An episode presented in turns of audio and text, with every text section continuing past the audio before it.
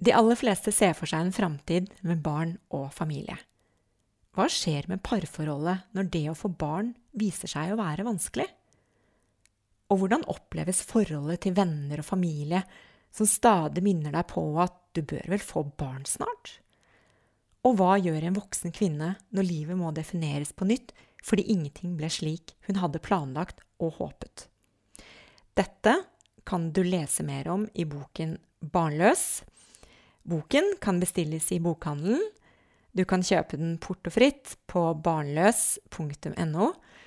Og hvis du sender meg en e-post, så kan jeg skrive en hilsen til deg i boken. Da sender du til boken barnlos i ett ord at gmail.com.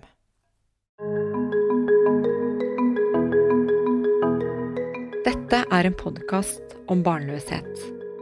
Jeg ønsker å finne svar på hvorfor temaet er så viktig for oss.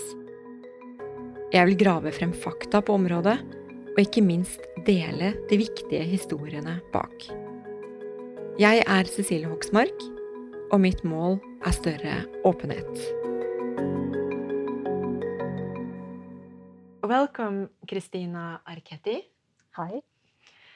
Um, we will do this interview in English as you are Italian, but you live in Norway and you are professor at the Department of Media and Communication, University of Oslo. That's right. And from my search, I can see that you have a very impressive CV and a long list of publication.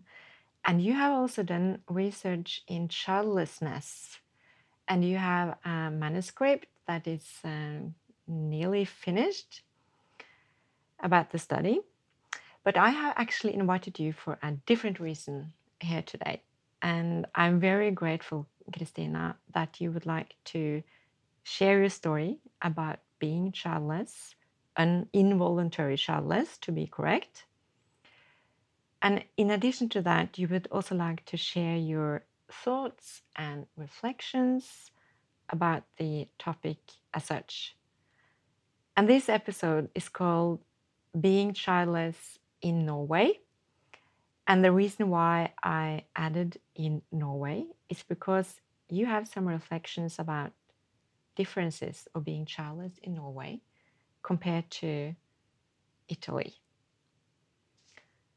So my first first question to you, Cristina, is who is Cristina? Okay, uh, first of all, it's a pleasure to be here with you, Cecilia, and with the people who are listening. Um, who is Cristina? That's a good question. Um, well, I'm Italian, and I moved to Norway about four years ago. And uh, I was actually in the UK. I've lived in the UK for 16 years, and uh, I left the UK for many reasons. So the reason why I'm in Norway is that uh, I found my dream job here. Uh, had been trying to leave the UK for quite a long time because um, uh, higher education there in, in that country has been changing a lot. And so I was under the weight of uh, an incredibly heavy workload. Um, it's not that I don't like working, but it was really just too much. I realized I couldn't leave. Um, there might be, however, also a reason related to me not having children, though. And maybe I can tell a little story about this.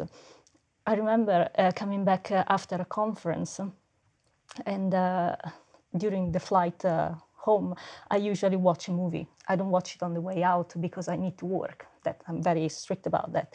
But I can uh, entertain myself on the way back. And so I watched this movie called Gravity Okay, this is a story of a female astronaut. Um, uh, she is in space uh, and uh, there are problems uh, with, her, uh, with her space vehicle, so she will need to return to Earth uh, to save herself. And while I was watching the movie, I realized that she was childless because she had a small child, but this child died in a freak accident in the playground. And, uh, and this movie led to all sorts of reflections uh, because it reminded me of another movie, uh, which, which, is called Prometheus. And uh, it's the so called prequel of the Alien uh, saga, basically. Um, and again, there we have a, a female space explorer who can't have children, she's barren. and so uh, I remember coming back from this conference and talking to my husband about this, and I was saying, you know, it made me think about uh, why are all these women in space? Because I couldn't remember other movies uh, where I had seen a protagonist who was childless. And at that point, uh, uh, there was a, a pause in the conversation with my husband, and he asked me, Is this why you want to move to Norway? And I said, What do you mean? And he replied, because you can't go into space. And of course, he didn't mean to be mean, but that really made me think about uh, why did I want really to move to another country. So I think uh, this, you know, the version of my story about the, the problems with higher education in the UK are certainly true. But I think I was actually trying to look for another opportunity, maybe for a big challenge for me to have something to think about um, that could take me away from what I was experiencing at the time. Can you? I'm I'm curious about your your childhood.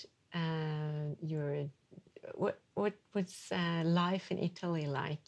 Uh, how did you ended up being a professor in media and communication? Was mm -hmm. that something you wanted? Yeah, I was actually born in Switzerland, uh, in Aral. I was the first child actually. And uh, um, we stayed there until I was uh, six years old. And so when we moved to Italy, um, we did so in time for me to start elementary school in Italy. So I, I did my whole education in Italy, effectively. Um, but I remember as a, as a child in Switzerland, um, I, I must have been happy. But also, I remember being unhappy because I could never understand the other children. And I was in the German speaking part of Italy, uh, sorry, of Switzerland. Um, and my dad used to tell me that I could speak uh, perfect German, but I don't actually remember that. um, and I remember always feeling isolated uh, um, and uh, um, not being able to understand what was going on around me. So I've always wanted to have certainty, I've always wanted to know things. And I think that's probably what always led me to be curious and to wanting to know more. So um, I've always uh, wanted to learn. So effectively, I think that's why I'm a professor because uh, I've always liked being a student actually. I've always liked going to school and for me it was uh, fun. Uh, yes, but then after uh, we went to Italy, I mean, from the age of six, uh, I grown up in Italy, and uh, it was great because I could talk to my to my classmates. and uh, I um, I grew up in the countryside uh, on the shores of a lake called Lake Iseo.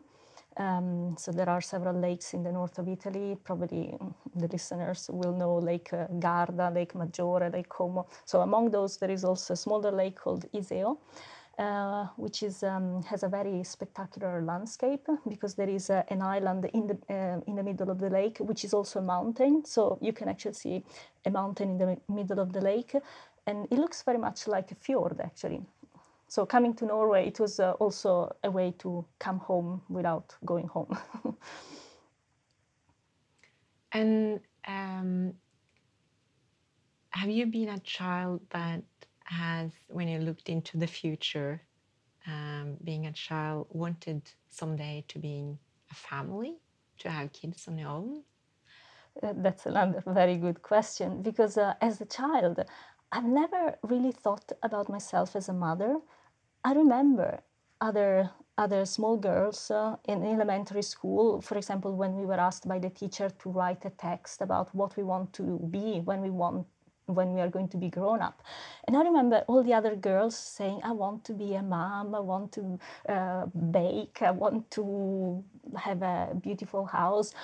And I wanted to be an archaeologist. I wanted to be a guard of a national park at some point. Uh, so I wanted to do all these uh, kind of masculine things. I never thought about, of myself as a mother. Um, at the same time, uh, this idea of being a mother was in the back of my mind. So it's the kind of thing that would have happened, but you know, almost automatically because. Uh, that's what I assumed as anybody else, I guess, that because you're a woman, you're going to have children, and so they're going to come at some point. And, and in fact, uh, it was uh, this um, the fact that I never really longed for this family, I never really longed for this child, that led me to um, do research about childlessness. Because uh, then we tried to have a child and it didn't work out, and uh, I was extremely upset about this, and I couldn't understand why, because uh, I'd never really wanted it, and so I couldn't explain it to me. I started wondering why is this happening so why why am I feeling upset? Where where does this come from? Um, yeah, and also questions like uh, who put this dream about the family or this idea that I had to become a mother at some point uh, into my head in the first place? Where does it come from? Who put it there? When? It's interesting what to say, and I I can only say that I I have the same thoughts as you have, and I share that in the in the first episode uh, mm-hmm. where I talked to a psychologist. Uh, so I, am expressing it exactly in the same mm. way. That's interesting. Um, but can I ask you then, at some point, you and your husband uh, felt that now it's the time mm-hmm. for having a ch- child? Yes. I guess. Yes. Uh, um, and some might say that uh, we realized that quite uh, late, relatively late. Um, the reason being that I, I met my husband uh, when, uh, well, I can't remember when I met him, but certainly I married him when I was 31. And at that point, I had, mm, I was finishing my PhD, so I wanted to finish uh, properly my PhD. I wanted to get my first job. And once I got my first job, then uh, as a lecturer, then I thought, oh, I need to be promoted to senior lecturer because I can't leave now. Um, it's important for my career. And in fact, that's the pattern of other colleagues uh, I had uh, witnessed uh, while I was working in university. So I was promoted to senior lecturer. And at that point, I thought, okay, now it's the time. And by that stage, I was uh, 36, uh, I think. And, and we, we started trying and uh, I well, I say we started trying, but I, I assumed that it would happen immediately. I had never really thought about it really, um, because I assumed uh, that as soon as you stop preventing pregnancy, then it's going to happen. Since uh, since I was a you know, a teenager, we were told you need to be careful, you need to be careful. So you have this idea that uh, as soon as you distract yourself for a second, then you're going to be pregnant and your life is going to be over. So I was surprised that nothing was happening. And, um, and so we consulted the doctor and she referred us to a fertility clinic and they did all the tests and they uh, basically didn't find anything wrong with either of us. So we were diagnosed with unexplained infertility. Um, yeah, which means uh, basically medicine doesn't know why we get pregnant because uh, everything should be fine. Um, and so we were uh, um, told we would try IVF, in vitro fertilization. And we went uh, through I mean, it's a long story because we went through all the tests that you need to do. Then uh, they're going to deliver the medicines uh, to your house uh, at a certain point. You've been also trained about what to do, the kind of injections, how to do them. But um, 24 hours before the delivery, I just felt like I can't do this. And so I rang the clinic saying, cancel it. We're going to try for, for a bit more maybe maybe we haven't tried hard enough. We, we we're going to try more. We're going to make more effort. And again, I wonder where does that narrative also comes from? This idea that if you make the effort, then you're going to succeed. Was that something you agreed upon with your husband? Can do you, if you think back, do you have a lot of uh, conversation about this topic? Uh, yes, of course. Uh, I mean, we had decided that we would go for it. Uh, but I must say that because um, of the, the way the procedure works, uh, basically men don't do much more than actually providing the, the sperm sample. And so you know, all the effort is on me, uh, basically as a woman. So I was doing the injections, I was going for the tests. Uh, you know, you get prodded and all sorts of stuff with uh, with scans, uh, and yeah. So um, I mean, at the end, uh, I, I, was going through all of this. Um, Um, anyway, so we we waited a, a, bit more, trying, but nothing happened, and so we we went back to it. But we had to redo all the tests because, of course, uh, a year had uh, had gone. And so we went uh, to, uh, through IVF. decided this time, okay, let's do it. And you know, as in anything else in my life, when I decide I'm going for it, then I'm going for it 100%. And I even I even uh, convinced myself that I liked doing injections. Um, I hate. Uh, I've always been afraid of them, but I even managed that. And uh, yeah, and then the, um, you know I went for the egg uh, retrieval. They were called. They were calling it uh, egg harvesting. It's a very romantic name for what it actually is. you know, again, being you know prodded and, and things being extracted from your body. and um, yes, and then it was uh, really very upsetting from then onwards because um, even in the way they explain to you the procedure, you expect all the problems to arise once they try to implant, to transfer the egg into your body, and then maybe the egg is not implanting, or maybe there are problems later. But with us, what happened was that there was no fertilization and they told us that this is an extremely rare case, which again they can't explain. So I was really disappointed also by this experience uh, to realize that medicine cannot explain an awful amount of things. And um, yeah, and, and that was devastating, really. Even just the fact that there was no fertilization, and one could say there could have been so many different causes but that meant that we, we should have gone through the whole procedure another time. And, uh, and, and, in fact, they told us it's so rare and we don't know what the cause is, uh, meaning that maybe it could have been also a fault of the clinic, I don't know. Um, so they were offering the whole procedure for free. Uh, but basically, we never went back again. And in fact, we never even had to discuss this with my husband because uh, it was like understood for both of us we're not going to do this again um, I mean that was the extent to which we were devastated and really heartbroken by the by the whole experience. Mm. And this happened all in UK. Yes. Yeah. And what happened next then? I mean, you have tried so hard to be pregnant, to get finally being a family, to mm-hmm. have this child. Mm-hmm. So what happens then?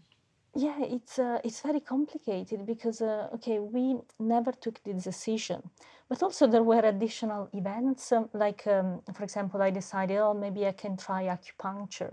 I mean, that's something very common. I've realized by talking to other childless women that you start trying all sorts of crazy things. And, um, and after trying acupuncture, actually, one pregnancy test came back positive. And so I thought, okay, now I'm pregnant, or um, at least this is possible.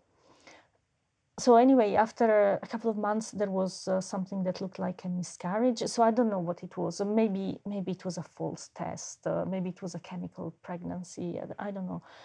But anyway, I thought, oh, but then it's possible. Then really, we, we shouldn't be trying. But I think uh, um, the fact we never went back to the clinic just shows how I really, I really didn't want to go through this whole thing again. I realized that this would uh, destroy me because, um, I mean, during this whole IVF procedure, I experienced really a separation between my mind and my body. So suddenly I started experiencing my body as this shell. I mean, this burden that I was car- carrying around. Um, yeah, this thing that was boycotting me. I wanted to achieve a goal, and suddenly this was my enemy that was preventing me from achieving this goal. So I was hating my body, I was hating myself. Um, and also realized that it would maybe even destroy us as a couple. And it's not something I was uh, you know thinking consciously at the time that I would be able to express as I'm saying now. But you know, with hindsight and thinking about it back and writing my book, um, in which I also talk about my own experience, um, I realized that's really what uh, what happened. Yeah, I'm a bit curious of what you told me in the beginning when you were sitting on the plane watching the video, seeing the the woman not Mm. having a child, um,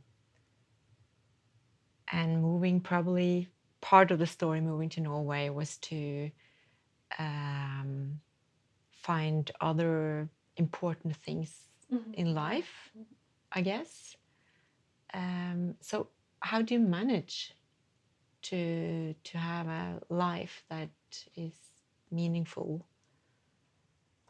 Yes, uh, um, that's uh, that's been uh, quite difficult um, because um, as soon as I arrived in Norway, I thought, okay, this is uh, exactly what I wanted. This is my dream job. In fact, it is still my dream job. And, uh, and as soon as I arrived, I was encouraged to apply for professorship, which I did and which I got.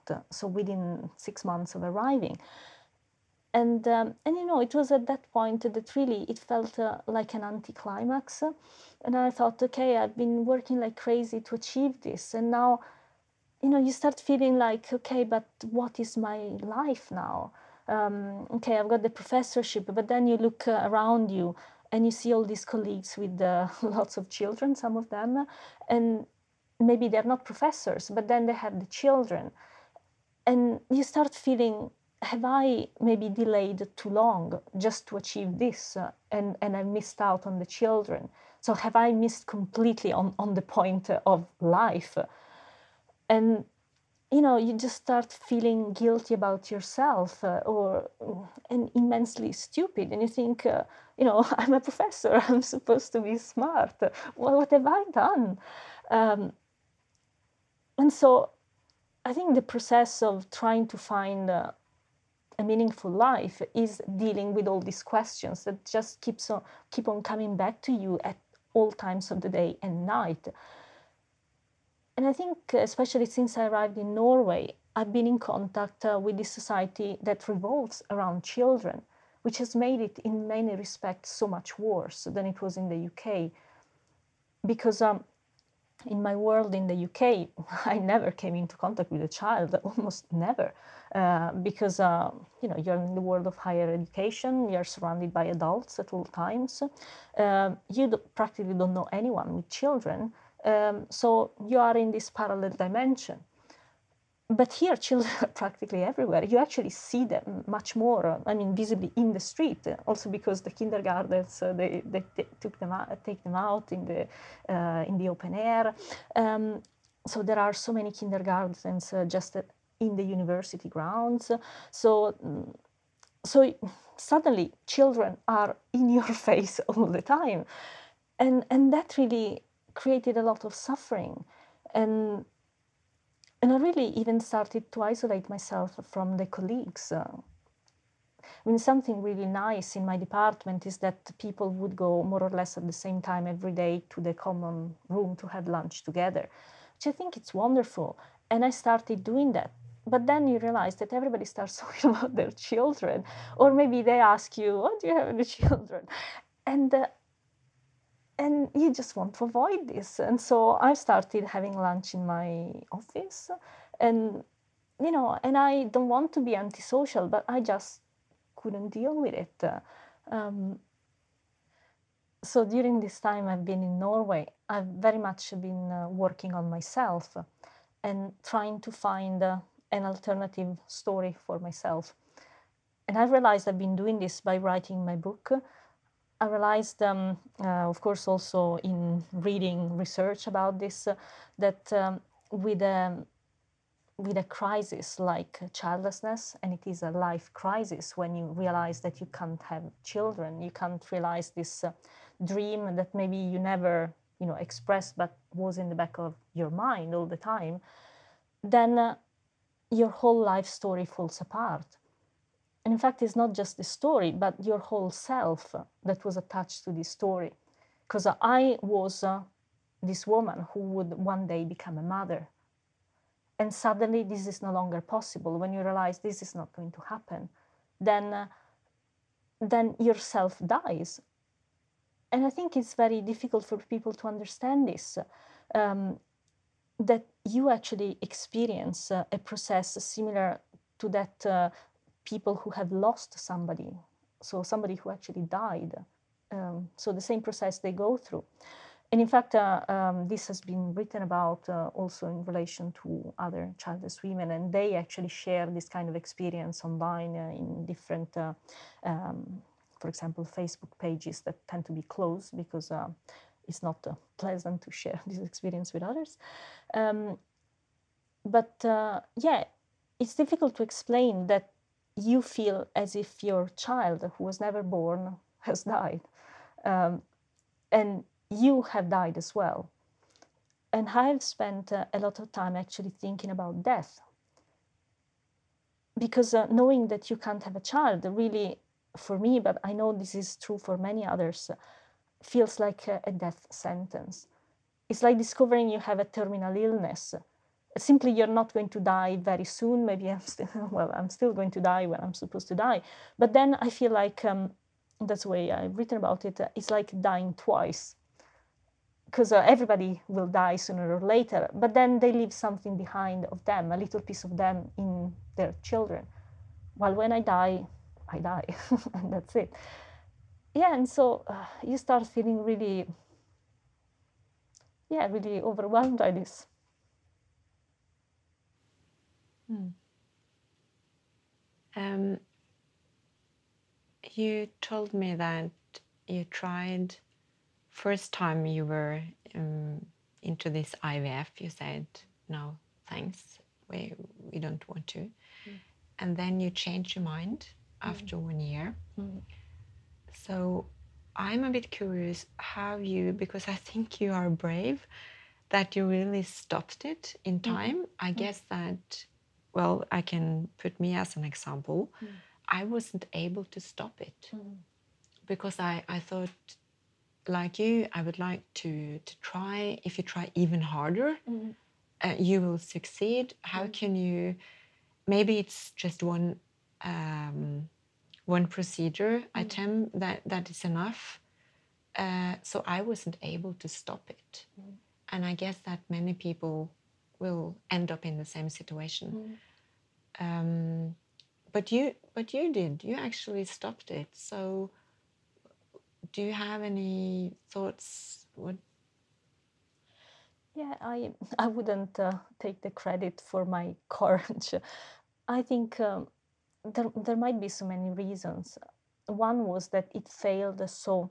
Um, so fundamentally so there was no fertilization so i think that that put me off completely because i thought uh, i thought then it's really not meant to be because um, yeah, another reason is also my attachment to nature, really. Um, I don't know how to explain it, but I think I really believe in nature and in the way nature does things. And for example, I don't like taking medicines. Uh, I believe the body can can heal itself, and um, I I've always thought about pregnancy as this miracle of nature and suddenly it was this mechanized procedure and you feel like you're a cow in, a, in an assembly line. And uh, so I, I just couldn't deal with that but also I, I thought well if it's not happening there must be a reason. Maybe maybe i don't know if we conceive a child uh, if we force it then this child is going to be ill or um, so i I just thought it wasn't right. And by saying this, I don't mean to judge anyone who would like to do IVF because uh, it's an individual decision, but simply it was it was wrong for me. I thought. And I must say, uh, probably I was more uh, committed to this project than my husband was. Uh, I mean, he wouldn't have insisted either way. Um, so it was at the end my decision and you know you might say oh you decided to stop uh, and it sounds like a definite thing but then you know for not having stopped then i felt also very guilty and i kept on going back in my mind what if and if i had tried more maybe i should have done it uh, maybe it's not too late um, you know you just keep on wondering what could have happened, what could have happened. And I think part of finding a meaningful role for yourself uh, is also trying to stop these questions and accepting, okay, this is what you've done, and uh, and living with it. Uh, I think that's really the the most difficult part.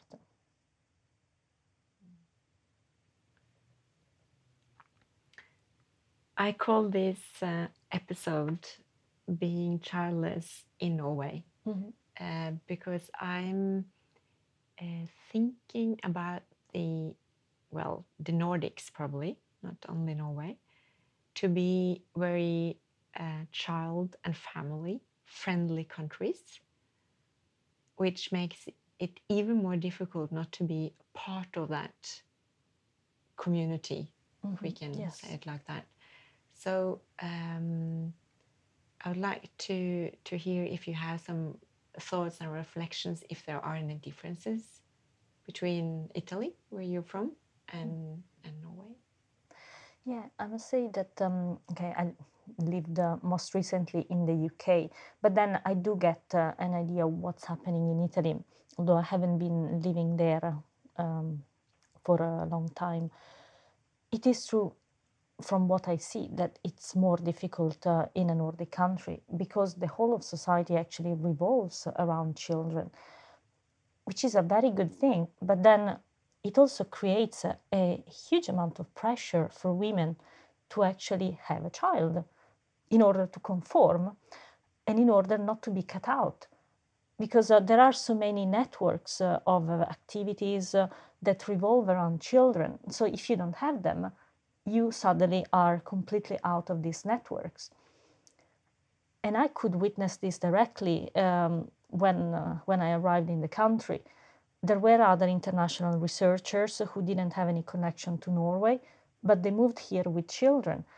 And suddenly they are uh, immediately plugged uh, into these networks uh, with other parents, with other children that are related to schools, their activities. While uh, in the case of me and my husband, I'm still, we are incredibly isolated after four years. Because apart from the work colleagues, um, or maybe you go to the gym, but uh, yeah, the thing is, most because most people have children, they have different schedules than yours, and at some point they will disappear because they have to pick up the children, they have to go to this particular activity, they have to do this, they have to do that. So it comes down to a problem of logistics as well. And I get a sense that um, in Italy, um, although it is a it is a society that revolves very much about family, but it doesn't revolve around children. And people would understand if uh, you are a single woman or you don't have a job, you don't have a house, if you don't, if in that case uh, you don't have a child, because people will think it's actually maybe responsible of you not to do this. However, here, because you have a very developed welfare state uh, that also provides benefits, in a way, you are never off the hook. There is no excuse. So you are expected to try on your own. and I've heard so many stories of single women who actually would travel on their own to Denmark, to the sperm bank, use a, a donor sperm or even a donated egg, go to Spain, to all sorts of countries um, to get pregnant at huge cost uh, financially and huge human cost. Because um, as I could experience directly um, with my IVF attempt, uh, IVF uh, most of the time fails, and that's what people don't realize. And and so I guess also in your story you have seen this.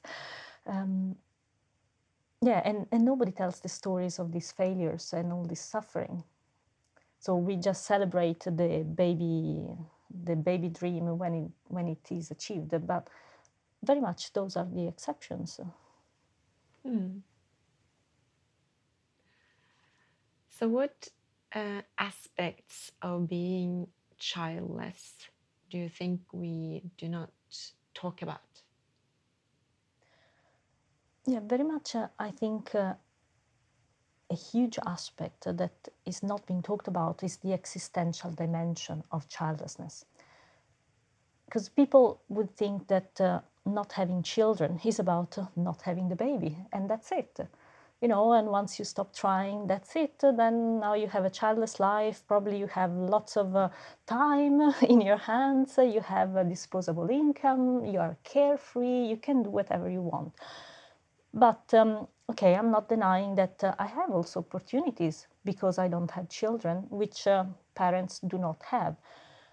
But uh, the story I would like to bring out uh, is uh, the story of the existential dimension of childlessness. I was mentioning earlier how, I mean, for years I've been thinking about death.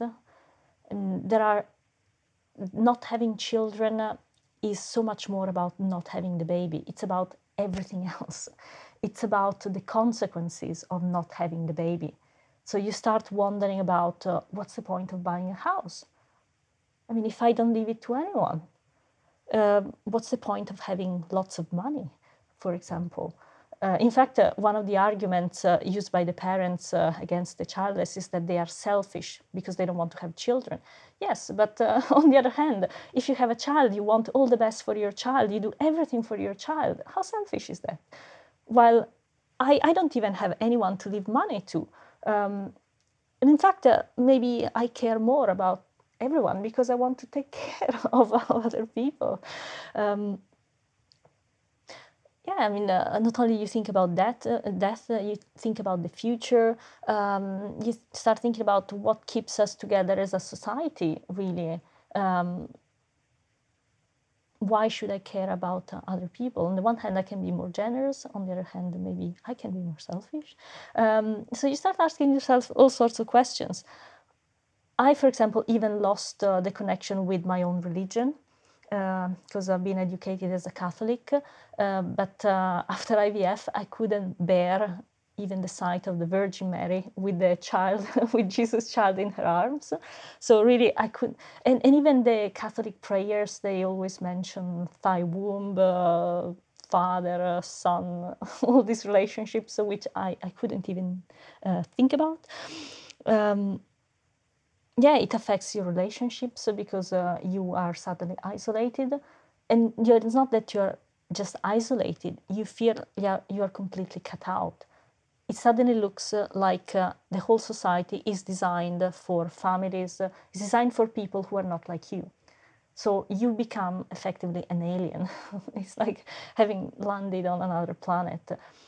Um, yeah, so all these aspects, and there could be many more I can mention, but um, yeah, they are not uh, what people think of when they think about uh, individuals without children. And another aspect I could mention is also how medicine defines uh, your body as defective for not being able to conceive. And I bought into this definition because I remember when I was diagnosed with unexplained infertility, I thought there was something wrong with me. While I now realize that actually that's the way nature created me. So I am perfect by definition, regardless of whether I can reproduce or not. Yeah, and by the way, maybe, I don't know, maybe if I had uh, tried with another man, it would have been possible. Who knows? Um, but anyway, there is nothing, nothing wrong. And uh, you know, me being functional doesn't depend on producing or not producing a child. So I think, uh, you know, women should, especially women, because uh, we are told your body is defective most of the time. Even, even when there is a problem on the side of the man, then it's women who undergo the procedure. So we, we are always the one who have to deal with the problem. So I think more women should question this this definition by medicine. Thank you, mm-hmm. Cristina, for sharing your story and your thoughts. Um, much appreciated. It was a pleasure talking to you.